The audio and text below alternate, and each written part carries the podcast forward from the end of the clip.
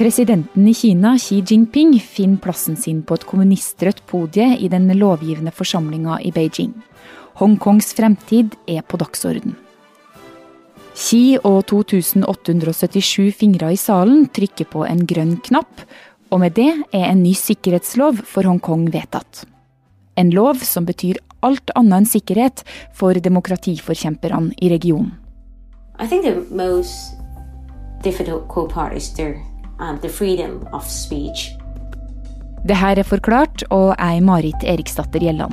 Det er torsdag 4. juni, en helt spesiell dag både i Kina og Hongkong.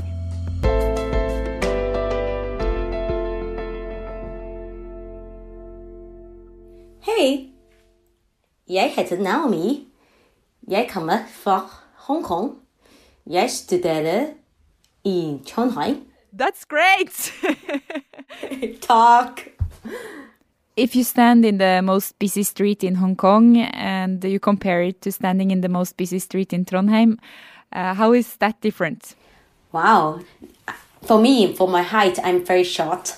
And Naomi er i 30-årene, men ikke så høy, så når gatene i Hongkong er på sitt travleste, så er det så tett med folk at Naomi bare kan løfte føttene og flyte fremover med mengden. Like I could actually lift both feet up and people would move me because they're full of people. Like the after work rush hour. But in Trondheim, at least I can see the sky. Om to uker så reiser hun tilbake til Hongkong. Men nå er alt annerledes enn sist hun var der. Recently, we have the national security law invoked by China. Um, that's changed a lot, changed the everything, changing their the fundamental value of Hong Kong. Hongkong ligger helt sør i Kina og er ei halvøy omkransa av Sør-Kina-havet. Hongkong betyr velduftende havn på kantonesisk. Kristoffer Rønneberg er utenriksjournalist her i Aftenposten. Og det er et navn som egentlig stammer fra 1600-tallet, da landområdene eh, her var kjent for eh, å være en markedsplass for eh, ulike typer røkelse. Du har jo vært der mange ganger. Er det spesielt velluktende i Hongkong? Ja, Det er veldig mange lukter i Hongkong, litt avhengig av hvor du er. Om du er på gatemarkedene eller om du er eh, inne på kjøpesentrene. Jeg vil ikke si alt er like velduftende, men eh, det er iallfall noe som gjør inntrykk på sansene. For det her er også verdens tredje ledende handels- og finanssenter bak New York og London. Hongkong er òg en egen administrativ kinesisk region med en helt spesiell historie. Som har ført området inn i den knipa det er i i dag. På 1800-tallet så endte flere kriger mellom Kina og Storbritannia med at eh, Hongkong ble en britisk koloni. Og deler av denne kolonien hadde britene en leieavtale på. Og den leieavtalen den gikk ut i 1997. Så det britene og Kina ble enige om på 80-tallet, det var at ikke bare denne delen som heter New Territory, som ligger lengst nord i Hongkong, at den skulle tilbake til Kina, men hele kolonien skulle gis tilbake til, eh, til Kina. Forutsetningen som, eh, som britene eh, la på bordet, det var at Hongkong skulle få beholde sitt styresett og demokratiet og ytringsfriheten og alle de andre tingene som hongkongerne var blitt vant til, i 50 år etter overtagelsen. Altså helt fram til 2047.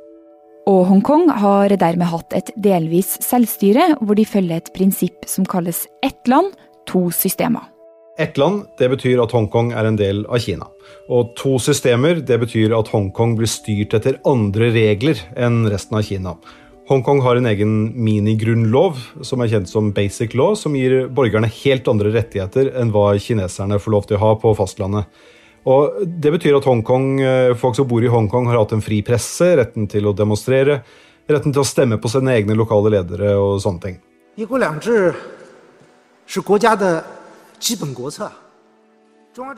Ett land, to systemer-prinsippet betyr òg at kinesiske myndigheter har ansvar for forsvars- og utenrikspolitikken, i tillegg til at de har vetorett når det kommer til endringer i det politiske systemet. Men Hongkong har likevel høy grad av selvstyre. Og det er både negativt og positivt for Kina. Hongkong har lenge vært veldig viktig økonomisk for Kina. så For 20 år siden så utgjorde Hongkong rundt en fjerdedel av hele bruttonasjonalproduktet til Kina. Nå er den andelen blitt mye mindre, den er helt nede i under 3% men Hongkong er fortsatt stedet der mesteparten av Kinas valutahandel foregår.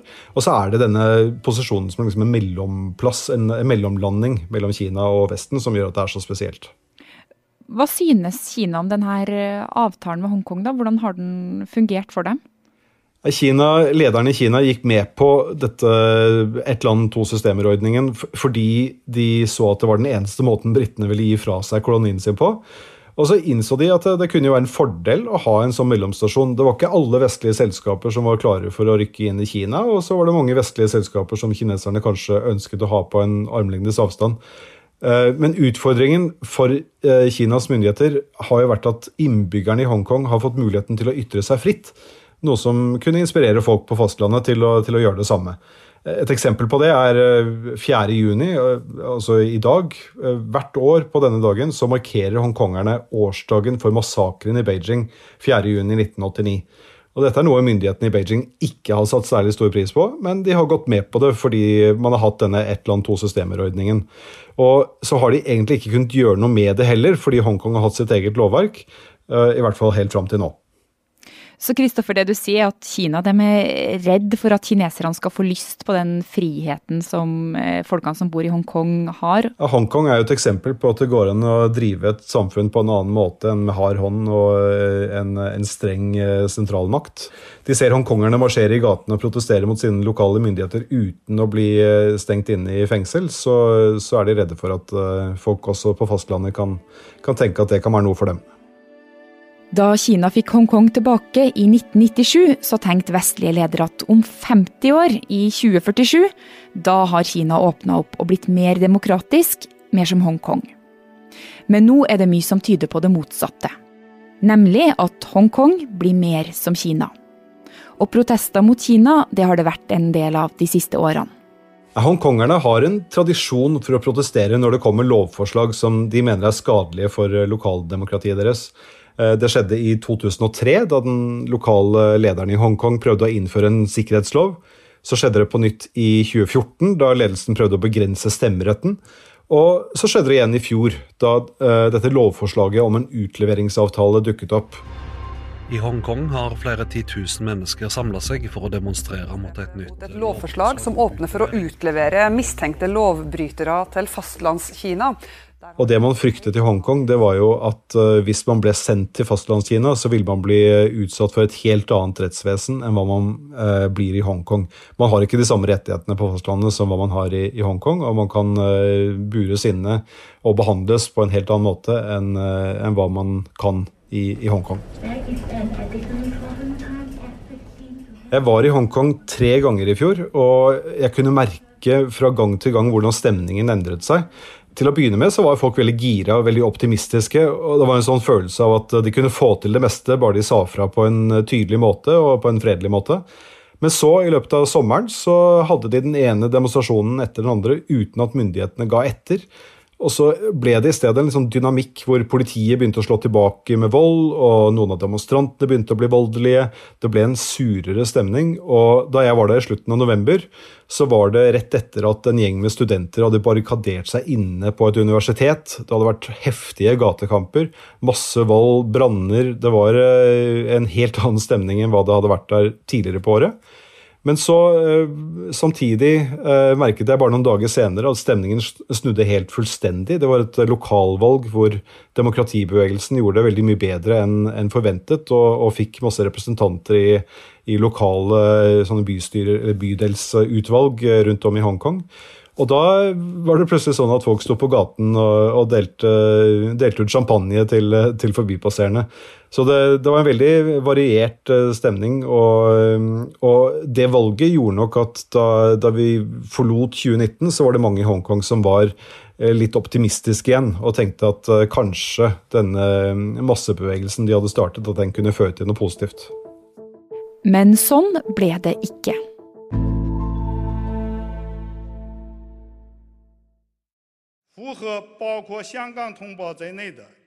Nesten 3000 kinesere satt i forrige uke på rekke og rad. dresskledd med koronamunnbind og blikket retta mot landets øverste leder, Xi Jinping. De er ikke hvem som helst.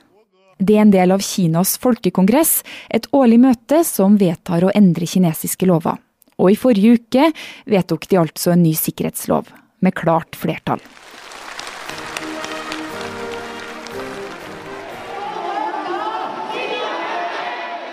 En lovendring som ga en helt annen lyd i Hongkong. Hva handler den nye sikkerhetsloven til folkekongressen eh, om? En sikkerhetslov i Hongkong har vært et tema lenge. I 2003 så prøvde lokale myndigheter å innføre det. Eh, det ble kjempedemonstrasjoner, og de trakk det. Eh, og nå har Beijing-myndighetene tredd den nedover hodet på Hongkong. Og det er eh, noe helt annet enn at det blir eh, vedtatt lokalt. Dette lovforslaget går ut på at Beijing kan gripe inn i Hongkong dersom de oppfatter at det skjer ting der som truer den nasjonale sikkerheten, som det heter. Beijing kan rett og slett overstyre Hongkongs lokale rettsapparat, og dermed forsvinner mesteparten av ideen om ett land, to systemer. Problemet, eh, eller Et av problemene er at ordlyden er så vag at man ikke helt vet hva den innebærer. Og Det man frykter, er at alle som motstiller seg myndighetene, eh, kan bli rammet på en mye mer alvorlig måte enn før. Og Sannsynligvis så kan også da folk eh, etter hvert sendes til fastlandskina. Noe som betyr at lovforslaget de protesterte mot i fjor, denne utleveringsavtalen, faktisk blir innført likevel. Men har du noen eksempler på ting kinesiske myndigheter muligens vil kunne slå ned på nå i Hongkong? Foreløpig vet vi ikke helt hvordan dette kommer til å utvikle seg, eller hvor langt de ønsker å ta det. Men to ting jeg kan se for meg som kan bli preget uh, ganske fort. Det er uh, ytringsfriheten, f.eks. I, i, i form av en fri presse. Det kan forsvinne, eller i hvert fall bli truet veldig raskt. En annen ting er eh, muligheten til å demonstrere og, og, gå i gatene. Det kan fort bli veldig vanskelig, og da kan myndighetene komme inn og arrestere folk og kanskje sende dem til fastlandet. Uh, bare for å være ute og, og, si at man er misfornøyd med hva myndighetene ønsker. Very, very USA er landet som har reagert sterkest etter at Kina vedtok sikkerhetsloven forrige uke. For USA er Hongkong nemlig en viktig inngangsport til Kina. Over 700 amerikanske selskaper har kontorer i millionbyen, og dersom handelssamarbeidet skulle endre seg, vil dette kunne føre til enorme økonomiske tap for USA. Det er vanskelig å si hvem dette er mest skadelig for av, Kina eller USA. Hongkong er jo ikke like økonomisk viktig for Kina som det var for 20 år siden, fordi Kina har vokst så utrolig mye i løpet av den perioden. Men det er en viktig mellomstasjon for kinesiske selskaper. Eh, og amerikanske selskaper er veldig glad i Hongkong. Mange av dem eh, vurderer sikkert nå om de skal flytte til Sør-Korea eller Singapore eller eh, andre steder i, i regionen. Beijing-myndighetene gambler nok likevel på at toppsjefene i disse selskapene ikke er så opptatt av dette med menneskerettigheter og demokrati og sånn, at de heller ønsker å bli i Hongkong så lenge de økonomiske forholdene ikke endrer seg for mye. Så vi får se. Etter at den kinesiske sikkerhetsloven ble vedtatt, har det vært ganske stilt fra verdenssamfunnet. I helga sa EU at Kina er en så viktig handelspartner at de ikke vil innføre sanksjoner som kan sette det forholdet i fare. Heller ikke Norge har gjort noe mer enn å si at vi er bekymra over situasjonen i Hongkong.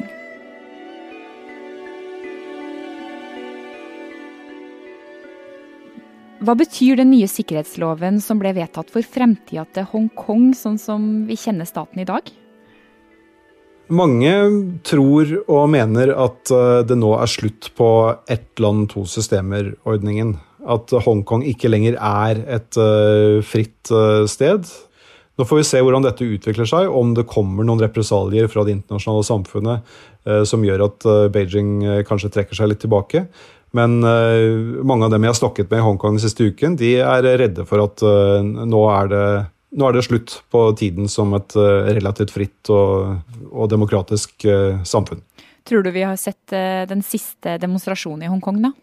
Den første testen på hvordan hongkongerne reagerer på dette, blir nå i dag, 4.6, årsdagen for Beijing-massakren i 1989.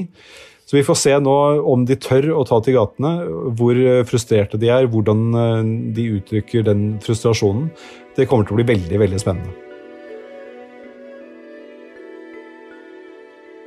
Oh, so main part is about the freedom, say, because Naomi, den lave utvekslingsstudenten fra Hongkong, er bekymra. um, the freedom of speech. Hun hører fra vennene sine hjem at politiet har blitt mer voldelig mot demonstranter i det siste.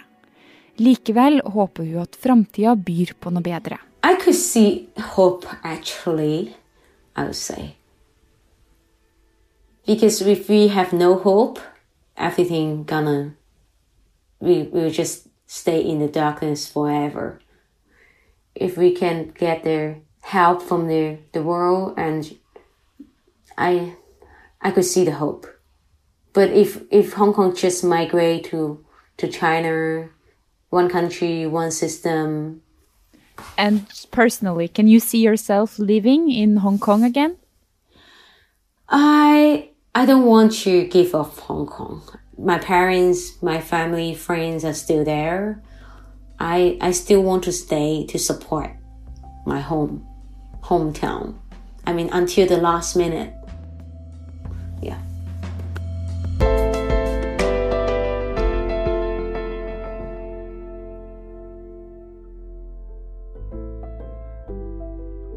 Forklart lages av Caroline Fossland, Fride Næss Nonstad, Anne Lindholm, Andreas Bakkefoss og meg, Marit Eriksdatter Gjelland. I denne episoden har du hørt lyd fra nyhetsbyrået AP, NRK og VGTV.